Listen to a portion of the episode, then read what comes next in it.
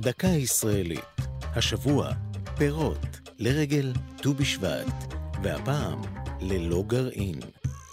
הוותיקים בינינו זוכרים את התקופה שכאשר היינו נוגסים באבטיח או בעיניו בשל, היינו נתקלים תדיר בגרעינים ובחרצנים שפגמו בהנאת האכילה.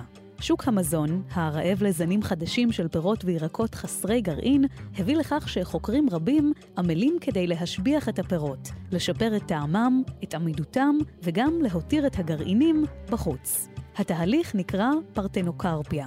אלא שעצם הפעולה טומנת בחובה בעיה. ללא הגרעינים ייווצר פרי עקר, והצמח לא יוכל להתרבות. עם אתגר זה מתמודדים מדעני מכון וולקני, הסמוך לראשון לציון. שמו הרשמי של המכון הוא מנהל המחקר החקלאי, והוא המוסד הגדול ביותר בארץ בתחומו. אין לו קשר להרי געש, הוא קרוי על שם יצחק וולקני אלעזרי, מייסד תחנת הניסיונות החקלאית שקמה בארץ ב-1921 והייתה הבסיס להתפתחות המרכז. רבים מפיתוחי המכון זכו להצלחה.